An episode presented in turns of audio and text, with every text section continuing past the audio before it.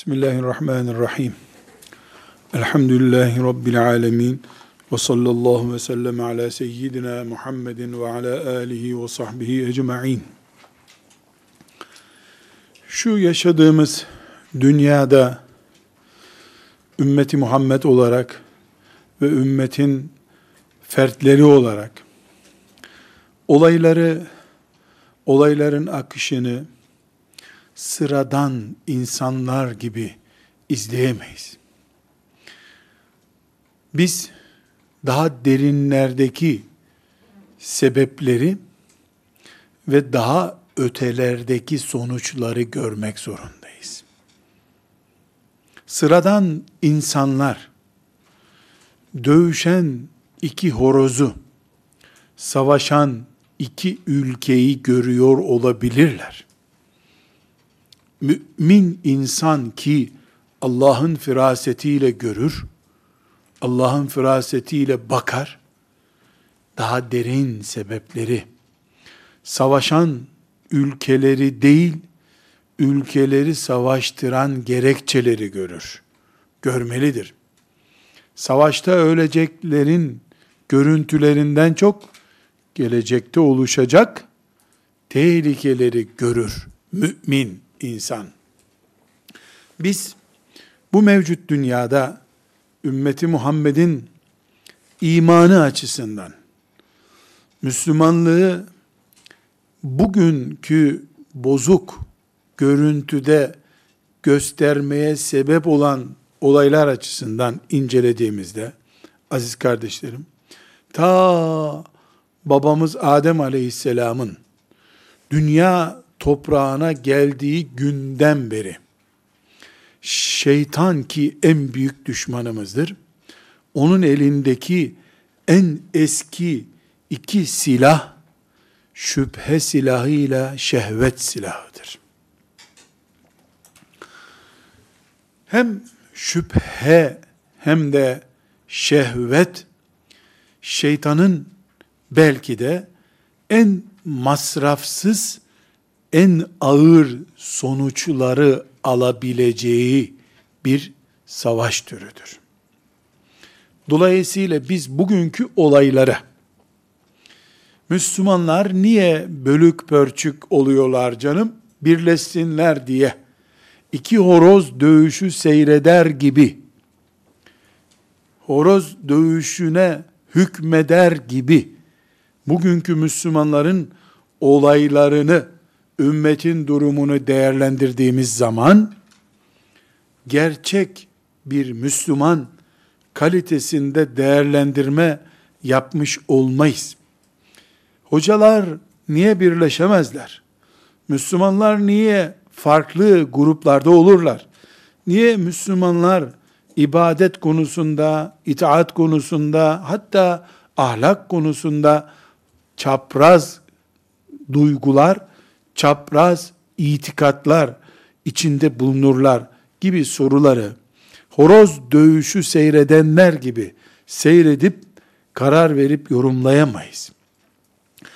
Biz bugün bütün olayları derleyip toparlayıp sonucuna hükmetecek durumda değiliz. Ama bir Müslüman olarak ben bu olayların neresinde durmam gerektiğini gruplar, olaylar hakkında nasıl yorum yapmam gerektiğini ciddi bir şekilde anlayacaksam, şeytanın en baştan beri nasıl başlattığını, bu savaşı nasıl sürdürdüğünü muhakkak altyapısı itibariyle, asıl silahları itibariyle ele almam lazım.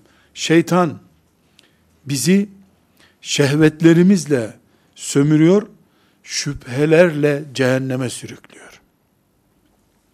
Bugünkü farklı ekoller, farklı anlayışlar, Kabe'nin etrafında bile birleşemeyen Müslüman idrakler şüphelerin ürünüdür.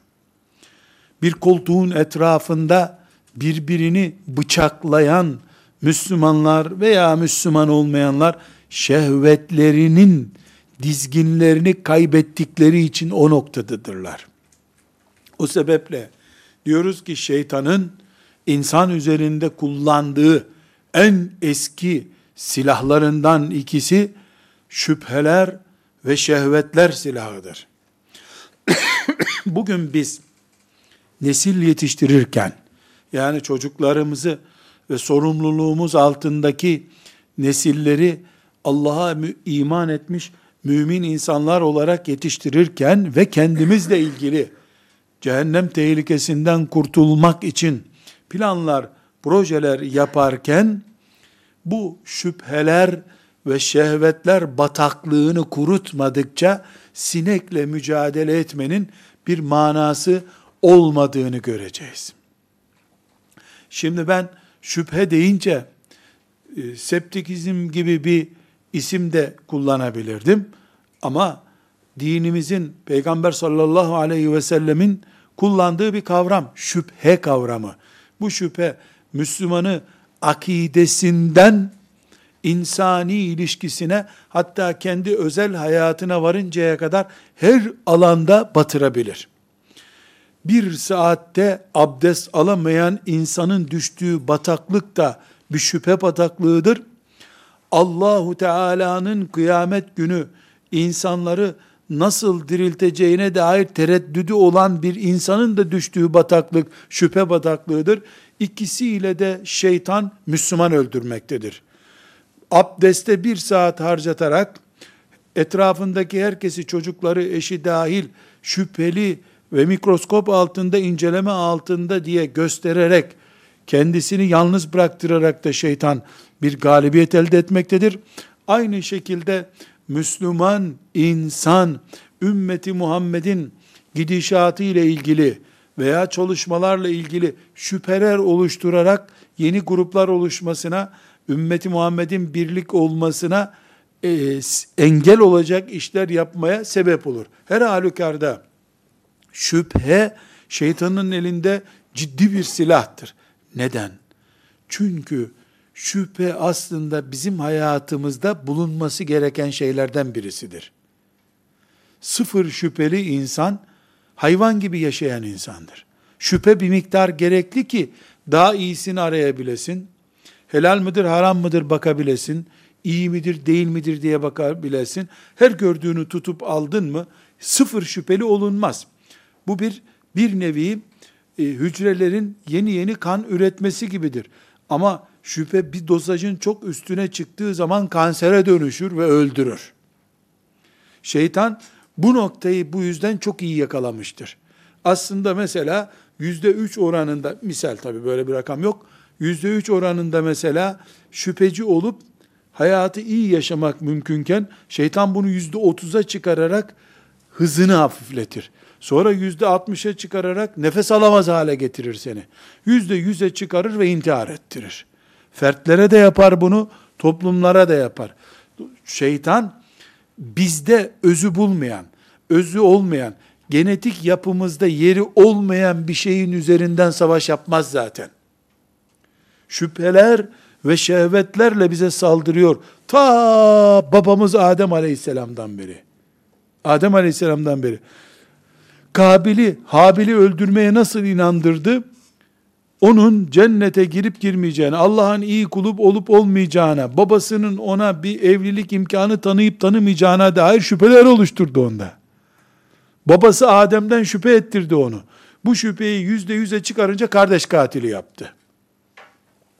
Ne demek istiyorum? Şeytan bir taşın üstüne yazı yazmıyor. Bir hamurun üstüne yazı yazıyor. Bizim için de bu şüphecilik bir miktar gerekli bir şey. Hiçbir şeyden şüphe etmezsen, seni öldürene bile Allah razı olsun abi zahmet etmeseydiniz filan dersin. Adamın sana silah doğrultmasına da bile şüphesiz bakarsın sen. Soyup soğana çevirirler seni. Onda bile bir idrak, rahmet idraki olur sende. Bir hikmeti vardır herhalde. Boşuna soğum, beni boşuna soymuyordur bu adam diye düşünebilirsin. Bir miktar bu bana niye yanaşıyor? Benim üzerimde ne hesabı var bu adamın diye yüzde üç mesela bir tereddüdün olacak senin. Acaba bu muydu benim beğendiğim diye bir tereddüdün olacak. Bunu şeytan mümkün olduğu kadar üzerine yağ cila sürerek oranını yükseltecektir. O oranı yükseltmeyeceksin. Mesela abdestteki şüpheyi ele alalım. Abdestteki şüphe bir miktar suyun altına tuttum kolum yıkandı Allah kabul etsin dedin mi? E böyle abdest olmaz. Çoğu zaman abdestsiz namaz kılmış olursun. E bu bakayım kolum yıkandı mı güzel diye yüzde üç oranında misal bu böyle bir rakam yok. Çok endişe ediyorum sonra bu rakamlar sanki ayet hadismiş gibi anlaşılmasın diye. Bir yüzdeliklere alıştığımız için öyle bir örnek veriyorum. Yüzde üç insan her tarafına su değdi mi diye bakar. Hiç bakmazsan e, kolunun dibi e, dirseğin kuru kalır. Kuru dirsekte namaz kılmış olursun maazallah. Ama e, gözlüğünü takıp kılların altını incelemeye başladın mı? Acaba su değdi mi buralara? Bu bunun altını bu tarafı tam görmediğine göre aynaya gidip iyice bakıp buralarda oldu mu? Daha da olmadı. Büyük bir mikroskop alıp iyice deri altını da inceleyebilirsin. Bu ne oluyor? Gitgide şeytan aslında dikkat etmek diye özetlenebilecek bir şeyi becerip dikkati vesveseye dönüştürüyor. Bir saatte abdest alıyorsun. Günde beş defa abdest alsan beş saat gitti hayatın senin. Abdestte sen Allah'ın emrinde böyle bir alet olursan şeytana, e sen herhalde e, normal bir hayatı kullanırken 5 e, saat değil 15 saat harcarsın. İbadette böyle olursa insan, ibadet olmayan günlük muamelat işlerinde kim bilir ne kadar daha ağır bataklıklara düşmüş olabilir. Şeytan hesaplı kitaplı iş yapan bir düşmandır. Kör kurşun atmaz hiç. Taş üstüne yazı yazmaya kalkmaz. Fazla emek vermeden iyi yatırım olacak işleri yapar. Şüphe böyle bir şeydir. Bunu sadece abdest için anlatmıyorum. Abdest konusunu da hiç değinmeyeceğim zaten. Daha öteki konulara, ümmetimizin genel gidişatına ait konuların bir parçası olarak bunu anlatmaya çalışıyorum. İkinci olarak şehvetler dedik. Şehvetler de şeytanın insan üzerindeki en eski silahlarından biridir. Neden? Çünkü insanda ciddi bir şekilde şehvet var. Maddi şehvetlerimiz var bizim. Manevi şehvetlerimiz var. Maddi şehvet nedir? Midemiz şehvet deposu. İstiyor. Gıda istiyor, pasta istiyor, zevk istiyor, meyve suyu istiyor, asitlisini istiyor, asitsizini istiyor. Tam çatlarken bir kahve istiyor üstüne. Şehvet bu işte. Bizim yani hissi olan, maddi olan şehvet yapımız bu. Cinsel arzumuz maddi bir şehvet türüdür. İstiyor. Ya öleceksin, patlayacaksın gene istiyor. Bu bünyemizde var bizim. Manevi diyebileceğimiz yani elle tutulur gözle görülmez ama ciddi bir şekilde organlarımızı etkileyen e, şehvetlerimiz de var. Baş olma arzusu,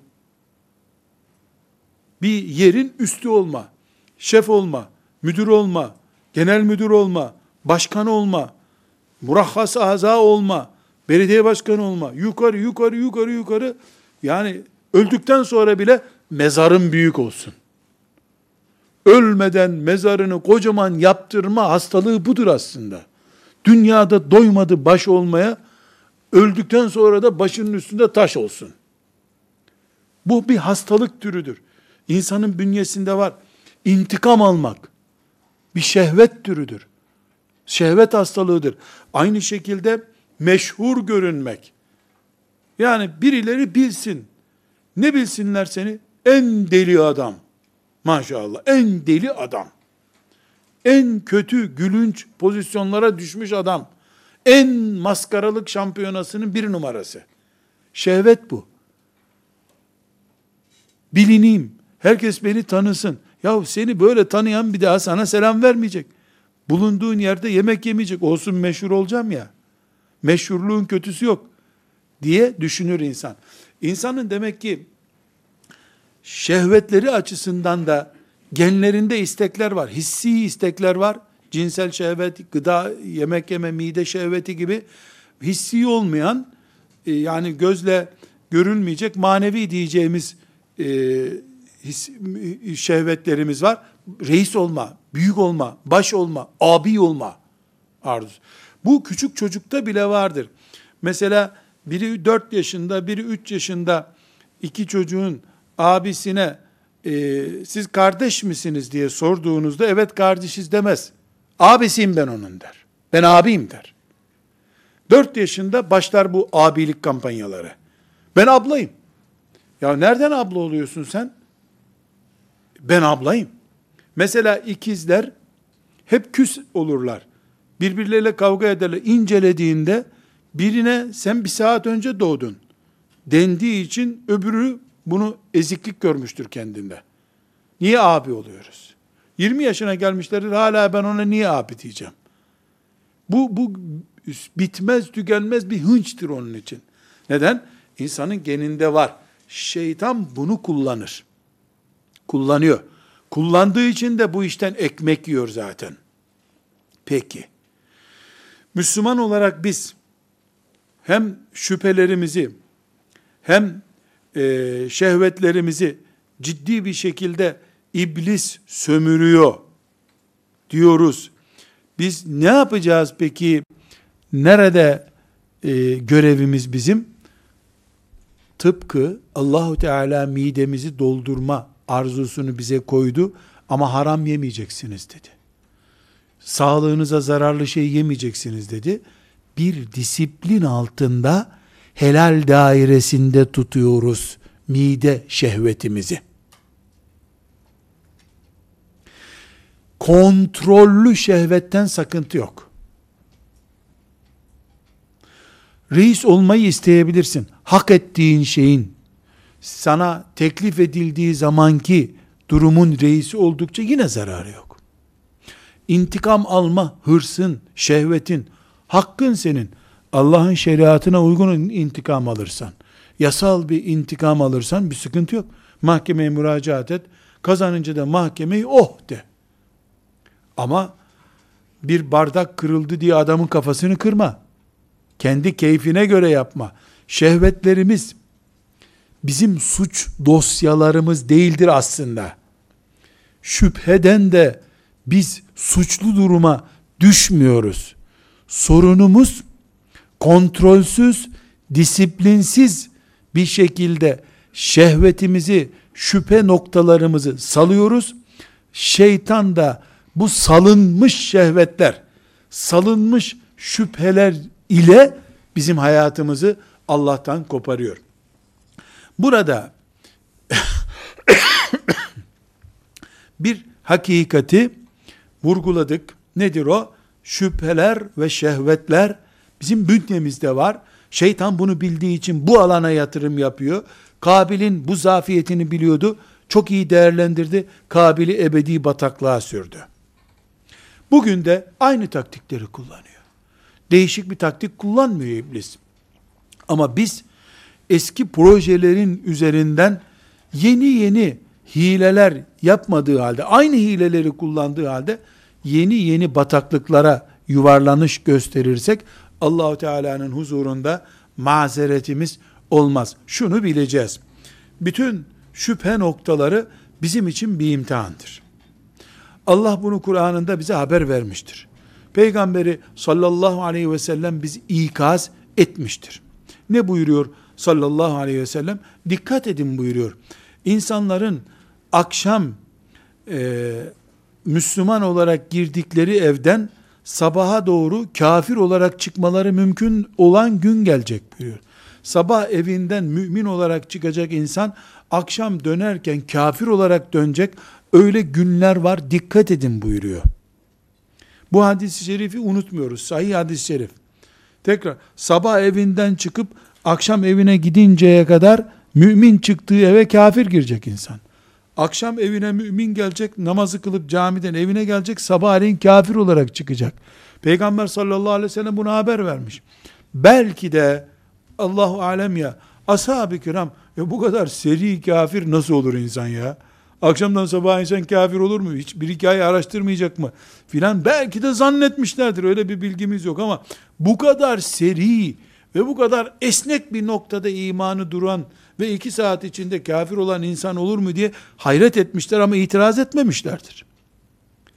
Bugün arkadaşlarının ona gönderdiği bir Twitter üzerinden kafir olan milyonlarca insan var mı her gün yok mu? Benim peygamberimin mucizelerinden biridir bu işte. Yatsı namazını camide kılıp evine şöyle uyumak için giden bir mümin bir bakayım e, Twitter'ıma neler gelmiş, bir bakayım mesajda ne gelmiş dediği 10 dakikanın sonrasında dininden, imanından sürüklenip gitmiş, bataklığa düşmüş oluyor mu? Oluyor. Bu şüphe bataklığını Resulullah sallallahu aleyhi ve sellem bir imtihan olarak bize haber vermişti. Hiç kimse kıyamet günü herhangi bir şekilde biz ne bilelim, ne bilelim frekanslar hep böyle bataklık, e, şeytan tuzakları ile doluydu bilelim diyemeyecek. Neden? Çünkü şeytan e, her gün bir tweet göndererek, bir mesaj göndererek, bir telefon çaldırarak, bir şey yaparak seni sonunda bir gün yakalamaya çalışacak. Bir gün, iki gün, beş gün sabredeceksin. Filan günde sabredemeyeceksin. Ya acaba gerçekten öyle mi dediğin bir noktada gerçekten öyle mi dediğin şey senin imanını silip süpürecek. Nauzu billahi teala. Biz İsrail'le bir gün karşılaşmak üzere cihat hazırlıkları yaparken Ayşe anasına sövmüş bir Müslüman olarak helak olup gittiğimizi fark edemiyor olabiliriz. Ashab-ı kirama dil uzatmış bir Müslümana Allah Yahudi ile ağaçların bile mümine yardım edeceği, taşların bile mümine yardım edeceği bir savaşta mücahit olmayı nasip eder mi öyle bir mümin Allah? Sen ashab-ı kirama dil uzatmışsın. Tahkir etmişsin ashab-ı kirama. Rıdvanullahi aleyhim cemiyen.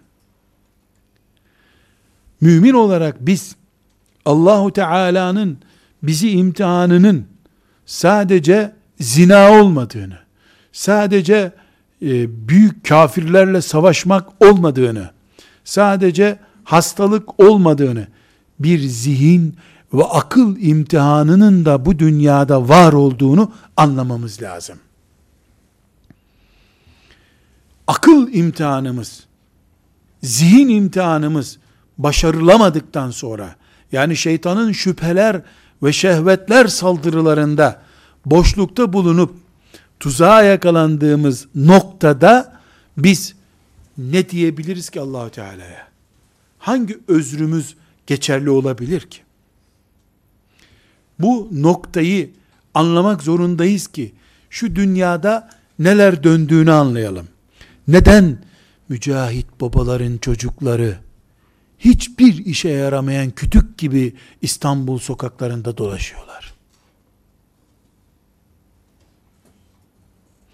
Neden Allah'ın adıyla kurduğumuz yuvalarımız şeytanın adıyla devam ediyor? Neden camilerimizde ibadet bereketi göremiyoruz? Neden sabah namazına gidince kanatlanmış gibi işe gidecek kadar mutluluk hissedemiyoruz? Neden hocalar, alimler birbirleriyle cedelleşip ümmeti bir kenarda bırakıyorlar? Çünkü şeytan alimleri de şehvetlerle bastırmış. Evet onları zina bataklığında kullanmamış. O o noktada başaramamış belki ama öbür hocadan daha üstün olma şehvetini tattırmış ona bir defa. Bütün hocalar kurban bayramındaki gibi kesilip doğransa, onlardan kavurma yapılsa, çatal batırıp hepsini yese doymayacak bir hırsla diğer hocalara niye saldırıyor? Şehvet. Onu da oradan yakalamış. Diğer Müslümanları da şüphe bataklığından dolayı süründürdüğü için onun ayağına getirtmiyor zaten. Herkese kafasına göre bir külah uydurmuş. Mümin olarak bizim vazifemiz teyakkuzda olmaktır. Bilhassa şüpheler noktasını özellikle gündeme getirmek istiyorum. Şüpheler iki türlüdür. Birincisi bireysel şüpheciliğimiz olur bizim. Nedir bireysel şüphecilik? Abdest örneğinde verdiğimiz gibi. Bu bir noktadan sonra hastalığa dayanır. Yani psikiyatrist bir hasta olur bu. E, doktor tedavisi gerekir. Belki de yeşil reçeteli ilaç gerektirecek kadar e, ciddi bir hastalık olur. E, en azından e, psikolojik terapi alması gerekir hastamızın. Bu adı üstünde bir hastalıktır. biiznillahü teala imana zarar vermez. Ama bu da imana zarar vermez diyorum. Zarar yok. Allah herkese nasip etsin diyeceğimiz hoş bir bela değil. Adı üstünde bu bir bela, bir musibet. Ve bu bir kere e, şeytana elini kaptırdıktan sonra artık çaresiz kalmaktan başka bir şey değil. Bu önemli bir nokta. Bireysel dediğimiz şüphecilik hastalıktır. Bir de bir hastalık çeşidi var ki Müslümanın Allah'la ve Allah'ın diniyle ilgili özellikle imanı alakadar eden konularda, ibadetler de buna dahil ama özellikle imanı alakadar eden konulardaki şüpheleridir. Bir, Allah'a imanımız hakkındaki şüpheler.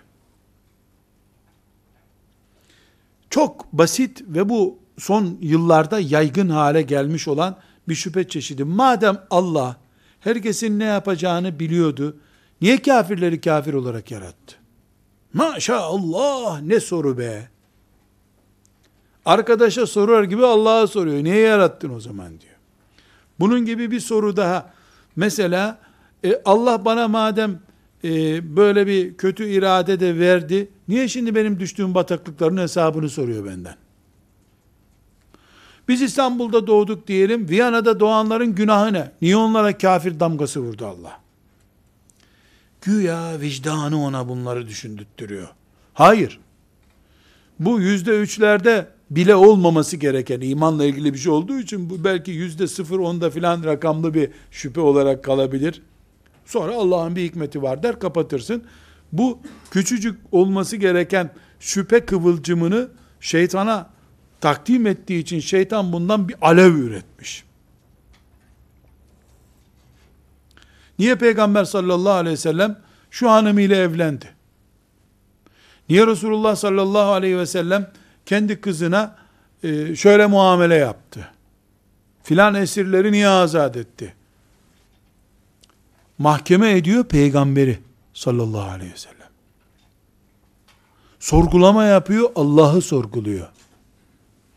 Özellikle Müslümanın imanını, ibadetlerini yargılayan şüphecilik bataklığın ta kendisidir. Bu şüphelerin herhangi biri 20 sene sonra bir mezhep olmuştur hep. Fırka olmuştur. Bir grup adı olmuştur. Bugün mesela filanca batıl fırka, sapık fırka diyoruz ya, o filanca sapık dediğimiz fırka, ya aşağı doğru inilip inilip inilip gelindiğinde, aslında bir insanın zihnindeki bir sorgulamadan kaynaklandığını gösterir.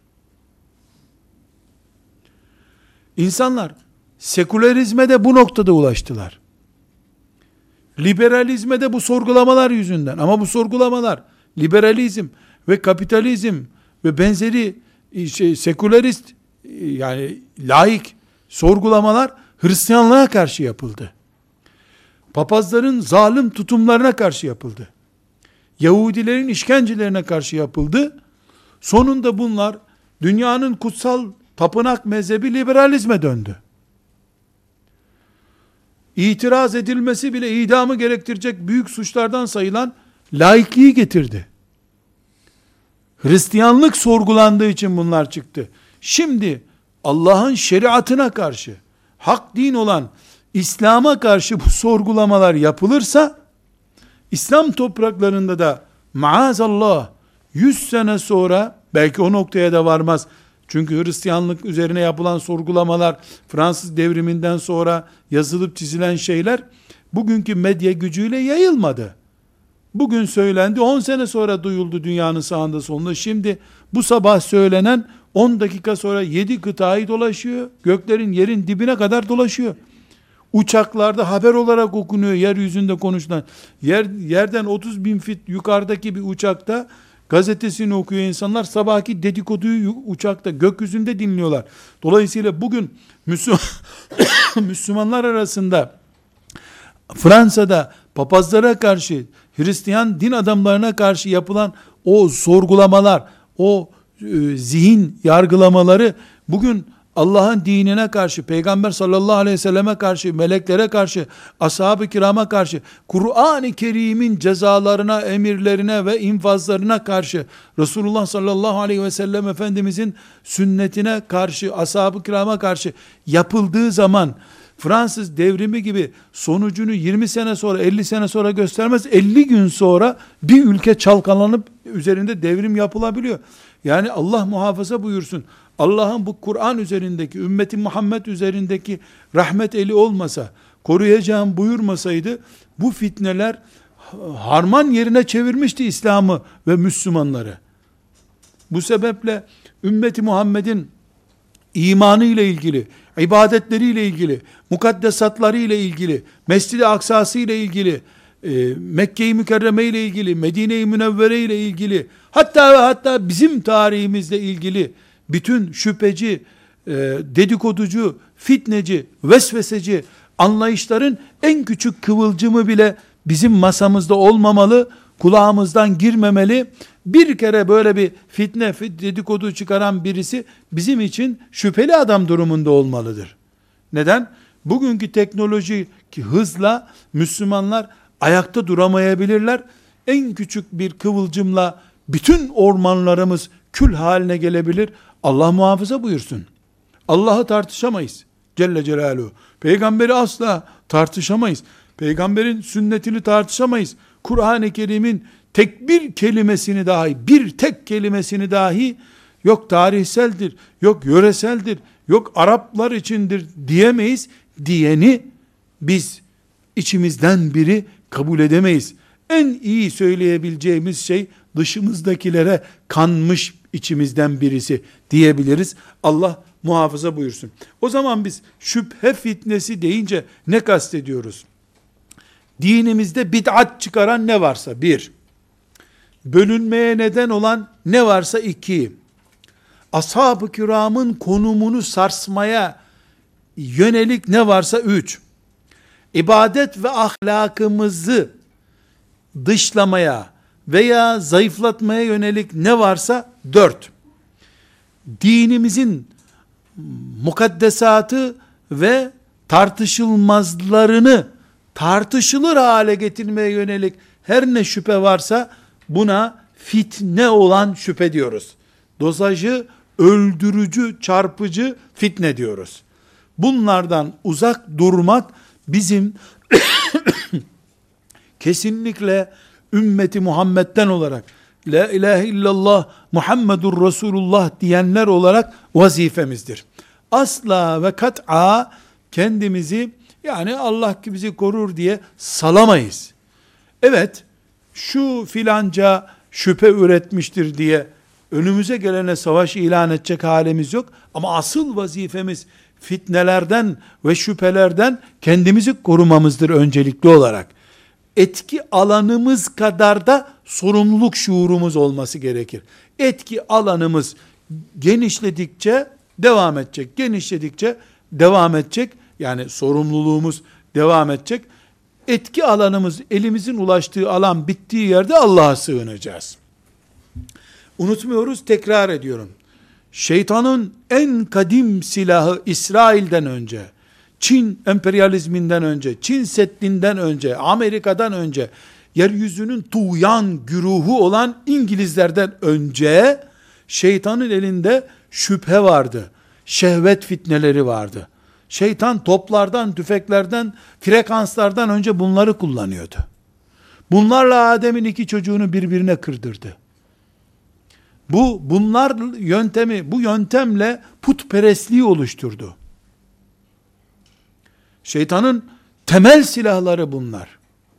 Ekmek gibi, su gibi kullanıyor şeytan bunu. Dolayısıyla biz böyle çok horoz dövüşü seyreder gibi seyrettiğimiz bir dünyada savaşa hükmedemeyiz. Savaşın sonuçlarını bile göremeyiz biz. Ama şeytanın asıl silahlarının imanımız açısından kastediyorum. Asıl silahlarının, insanlığımız açısından kastediyorum. Asıl silahlarının, ahlakımız açısından kastediyorum. Asıl silahlarının bu iki nokta olduğunu bilirsek ona göre tedbirli oluruz Allah'ın izniyle. Bir şeyi unutmamak gerekiyor güzel kardeşlerim. Şimdi şüphecilik diye bir şey konuşuyoruz ya. Vay Anadolu'da medrese görmemiş, okumamışların haline. Ne şüpheleri vardır zihinlerinde diyebilir miyim? Asla diyemem. Allah'tan, kitabından, peygamberinden, onun sünnetinden aleyhissalatu vesselam, ashab-ı kiramdan ve ibadetlerden şüphe etmiş tek bir sarhoş bile yoktur bu topraklarda.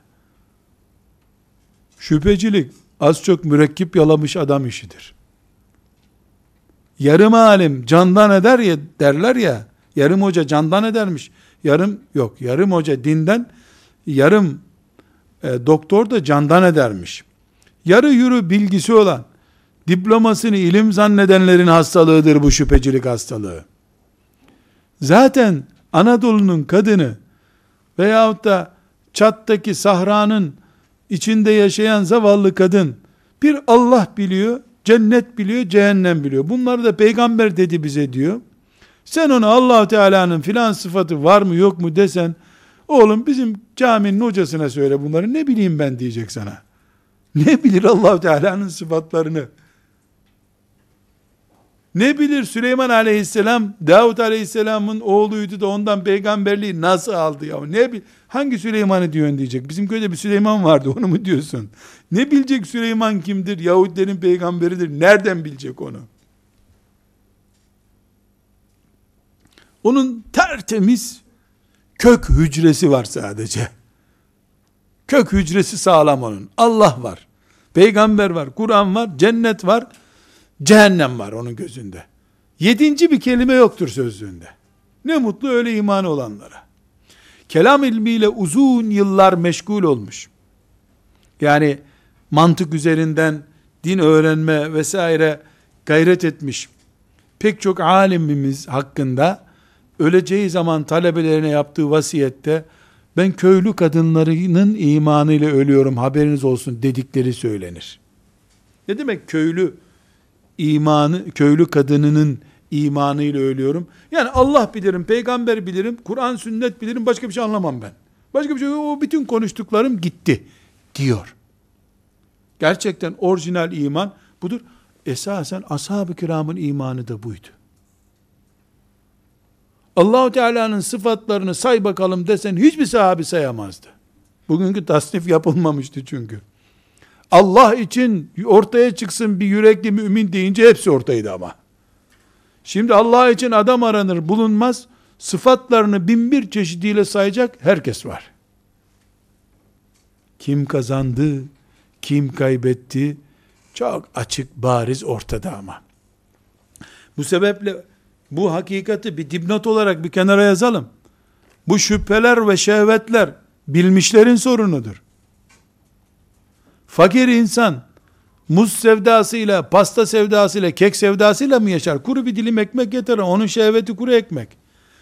Cebi para dolu olan doyduktan sonra bile pastane arar.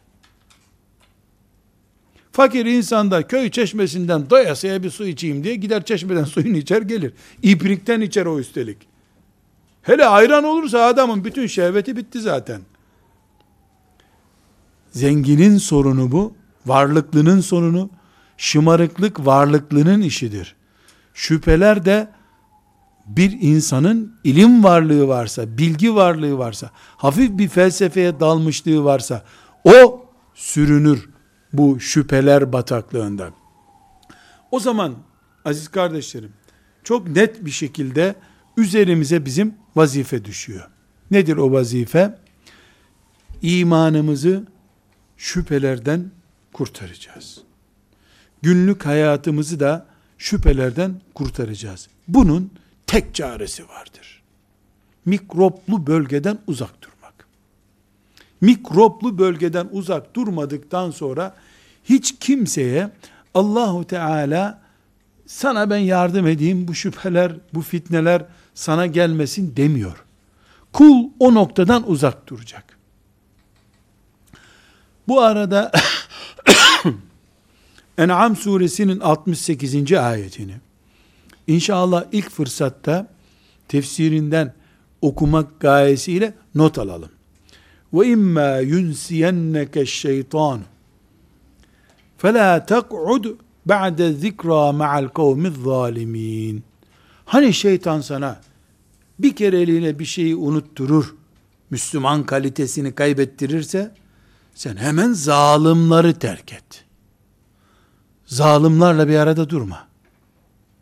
Ve imma yunsiyenneke şeytan فَلَا تَقْعُدْ بَعْدَ الذِّكْرَى مَعَ الْقَوْمِ الظَّالِمِينَ Sen Baktın ki şeytan sana yanlış bir çizgi çizdi. Sen hemen Allah seni hatırlattı. Kalbine Allah korkusu geldi. Ayeti hatırladın, hadisi hatırladın, Müslüman olmanın kalitesini hatırladın. فَلَا تَكُدْ بَعْدَ ذِكْرَ مَعَ الْقَوْمِ الظَّالِمِينَ Zalim, yani allah Teala'ya asi olanlar, nefislerine zulmedenler, imanlarına zulmedenlerle bir arada bulunma. allah Teala Mümine ne çözüm öğretiyor fitnelere, fesatlara düşmemek için? O güruhla beraberliğini sonlandıracaksın. Onun için biz sigarayı bırakmak isteyenlere sigarayı nasıl bırakacakları konusunda soru sorduklarında ne tavsiye ediyoruz? Sigara içen arkadaşları terk et diyoruz yüzde ellisini bitirmiş olursun. Biraz da gayret edersin, sigara gider. Sigaracıların yanında sigara bırakamayabilirsin. Yalan konuşmayı bırakacak birisinin de yalancıları bırakması lazım. Üzüm üzüme baka baka kararmaz. İnsan insanı taklit eder. Üzümün gözü yok kulağı yok. Ne bakacak da o karardı diye ben de kararayım diyecek. Ama insan insana bakıyor ve onu taklit ediyor. Anamıza bakarak kaşık tutmayı öğrendik. Babamıza bakarak koşmayı öğrendik. Kötülükler de böyle öğreniyor. Şüpheler de böyle öğreniliyor. Eğer din konusunda iman, Allah, ahiret konusunda, peygamber, ashab-ı kiram konusunda bir şüphe fitnesi, kıvılcımı zihnimize girdiyse ilk test edeceğimiz yer bu kimden bulaştı bana? Filan internet sitesine mi girdin? Sebep belli oldu. O siteyi bir daha bulunmayacak şekilde karartmadığın sürece senin bilgisayarından, cep telefonundan edebiyatını yapma bu işin. Kuru temenni karın doyurmuyor. Nereden bulaştı? Okuldaki filan arkadaştan. Acilen o arkadaşı terk edersin. Terk edemiyorsan okulu terk edersin. Komşu çocuğuna mikrop bulaştırdı. Başka semte taşın. Mescid-i Aksa'nın etrafında oturmuyorsun ya nereye gideceğim başka daha iyi yer yok diyeceksin. E, dünyanın her yeri bozuk. Az bozuk olan yere gidersin. Demek zorundayız. Başka hiçbir çaresi yoktur. Neden? Genlerimizde var bizim çünkü bu. Şeytan çok uzaklardan projeler getirip yapmıyor. Zaten bizde var. Flash diskini takıyor, tak uygulamayı ekranda gösteriyor. Kendimizde var. Niye? Rabbimiz imtihan etmeyi murad ettiği için bunları koydu bize. Şehvet ve şüphe fitnesine karşı direnmiş kullarını görmek istiyor Allah. Ebu Bekir radıyallahu anh da Resulullah sallallahu aleyhi ve sellemin karşısında gördüğünde o da ya gerçek mi söylüyor bu Muhammed diye düşündü. Düşünmedi diye bir şey yok. Ama o yüzde bir bile değildi. Tamam ben sana iman ettim dedi. Ebu Cehil de aleyhillâne Peygamber sallallahu aleyhi ve sellemi karşısında gördü. Onda da bir yani haklı, haklıydı. Muhammed ne bileyim senin Allah'ın peygamberi olduğunu demekte haklıydı. O hakkı güçlü tuttu. İblis geldi yüzde yüze çıkardı onu. Senden peygamber olmaz yetimsin sen bir defa dedi veya ne dediyse melun. Yani bizim şüphe ile ilgili kıvılcımı daha yangın olmadan söndürmekten başka çaremiz yoktur. Zayıf bünyelilik gösterirsek, pipiriklik yaparsak, şeytan bundan becerir, helada ömrünü geçittirir sana. Tutarsın İmam-ı Azam'ın varlığından şüphe edersin. Bırak onun alimliğini kabul etme. Öyle bir adam yaşamamıştır bile diyebilirsin. Fakat bu asırda özellikle özellikle bu asırda bu şüphe ve şehvet fitneleri kudurmuş gibi üzerimize gelmektedir. Bunun da temel nedeni neden bu kadar çoğaldı diyecek olursak Kur'an bağlılığımız, sünnet bağlılığımız, ashab-ı kiramı Allah'ın razı olduğu örnek müminler görme anlayışımız, ümmetimizin mücahit, müştehit, çalışkan, fikir ve siyaset önderlerini, büyüklerini önemsemeyişimiz bizi boşlukta bıraktı. Bir de halifemiz yok, ümmetimizin başı yok. İsteyen istediği yöne çekiyor. Resmi gidiş istikametimiz yok ümmet olarak. Yönümüz belli değil. Bu kaos ortamında Kur'an'ın okunduğunda, dinlendiğinde tüyleri diken diken etmediği bir asırda. Resulullah sallallahu aleyhi ve sellemin sünnetini çoluk çocuğun konuşabildiği bir zamanda, ashab-ı kiram tartışmasız büyüklerimiz olamadığı bir zamanda, müştehitlerden, mücahitlerden, Selahaddin gibi siyasilerden, büyük önderlerimizin ikinci sınıf gibi veya hiç adı anılmaz gibi görüldüğü bir zamanda, başı boşlukta olunca, halifesiz bir toplum olunca biz şeytan için bulunmaz fırsat ele geçti. Böylece şeytan kesinlikle ümmeti Muhammed'in fertlerini ve bireylerini kullandı. Bir de şeytanın yaratıldığı günden beri en güçlü kullandığı silahı olan medyada bu işe hizmet edince artık yangını söndürecek bir itfaiyeci bile dünyada kalmadı demektir. Burada şüphe aslında çamur at, çamur düşse de izi kalır mantığıyla şeytanın ürettiği bir projedir. Ne yazık ki şimdi çamur atıyor, çamuru da kalıyor. Bırak izini. Müslümanlar da çünkü ona yardım ediyorlar. 1200 sene olmuş Ebu Hanife öleli. 1200 senedir bu ümmet Ebu Hanife'nin tarif ettiği şekilde Allah'a secde ediyor. Milyarlarca mümin. Şimdi birisi çıkacak Ebu Hanife'nin bu tarifi yanlıştı diyecek.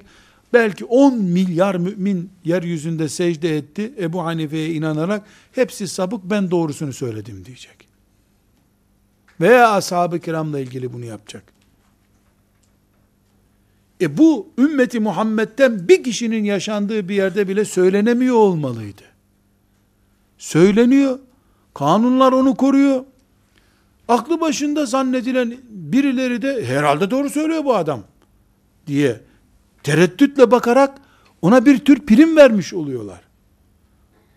Bu şeytanın medya gücünü kullanarak şerri daha cazip, daha rengi, daha renkli, daha albenili hale getirmesi sayesinde oldu.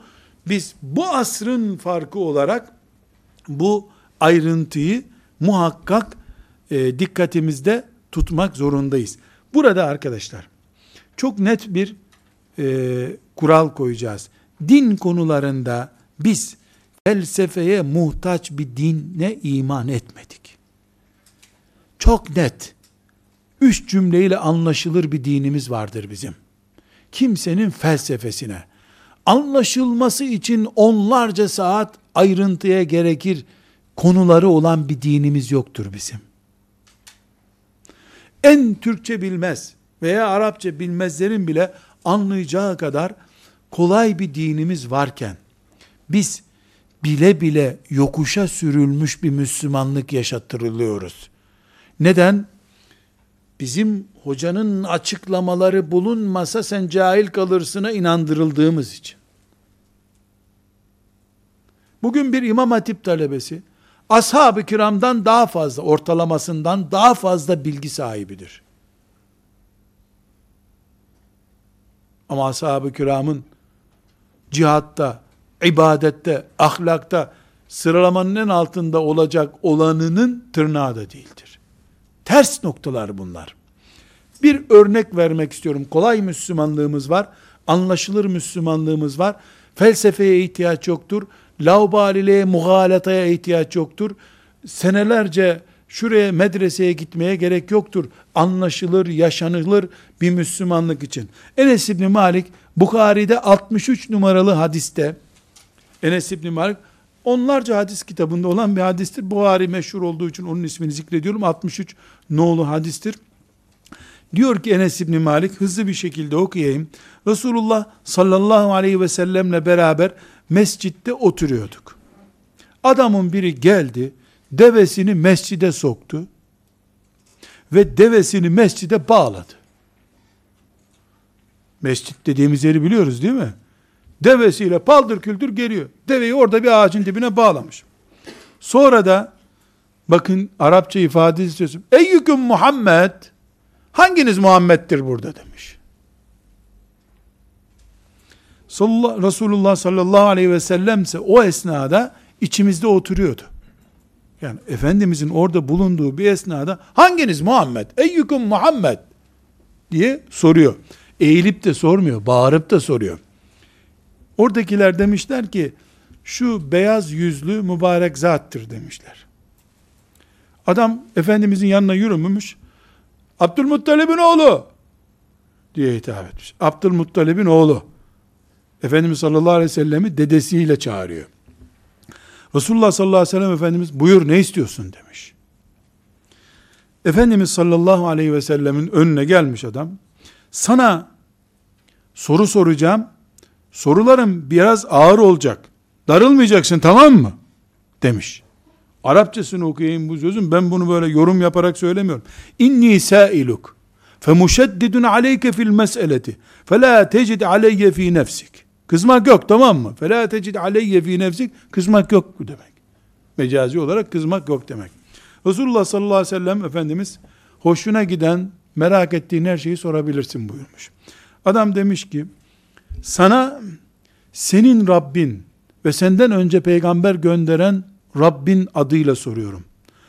Şu Allah'ın adıyla yemin et, seni gerçekten o mu peygamber gönderdi demiş. Allah'a yemin et, seni gerçekten o mu peygamber gönderdi? Efendimiz sallallahu aleyhi ve sellem, vallahi o gönderdi demiş. Yemin etmiş. Evet, Allahümme naam. O gönderdi demiş. Allah'a salarım seni demiş. Bak Allah için söyleyeceksin ha böyle şimdi ciddi söz dinleyecek ya.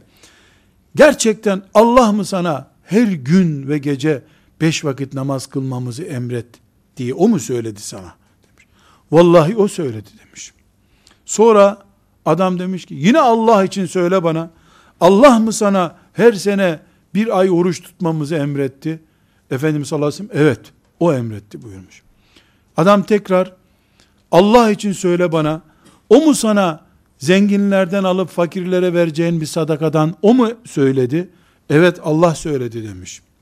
Adam sonra demiş ki ben senin doğruluğuna iman ettim. Sen Allah'ın Resulüsün. Ben de ailemin elçisi olarak buraya gelmiştim zaten.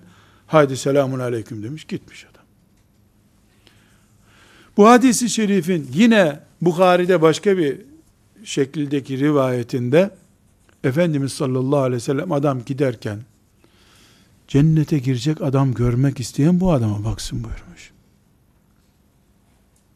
Devesini Resulullah sallallahu aleyhi ve sellemin namaz kıldığı mescide bağlayan bir adam bu. Allah için söyle. Bak senden önce de peygamber geldi. Sakın böyle benimle şaka yapma filan diye espri yapan bir adam. Efendimiz sallallahu aleyhi ve sellem buna cennetlik adam görmek isteyen baksın buna buyurmuş. Bir espri olabilir mi bu arkadaşlar? Sadece ve sadece şu soruma cevap arayınız. Herhangi biriniz bir hoca efendiye icazetin var mı diye sorabilir misiniz?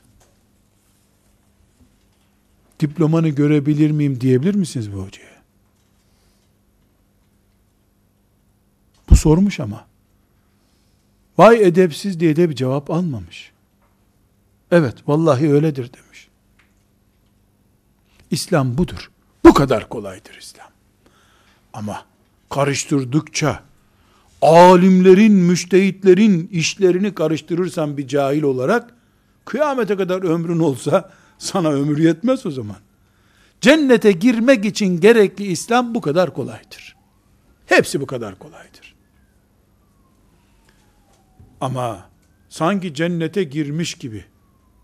Cennette Allah adaleti nasıl sağlayacak? Niçin? E canım 5 sene namaz kılanı da cennete koyuyor, 60 sene kılanı da koyuyor. Adalet mi bu? diye sen cennette adalet mekanizmasını incelemeye kalkarsan çok rüyanda cennet görürsün. Velhamdülillahi Rabbil Alemin.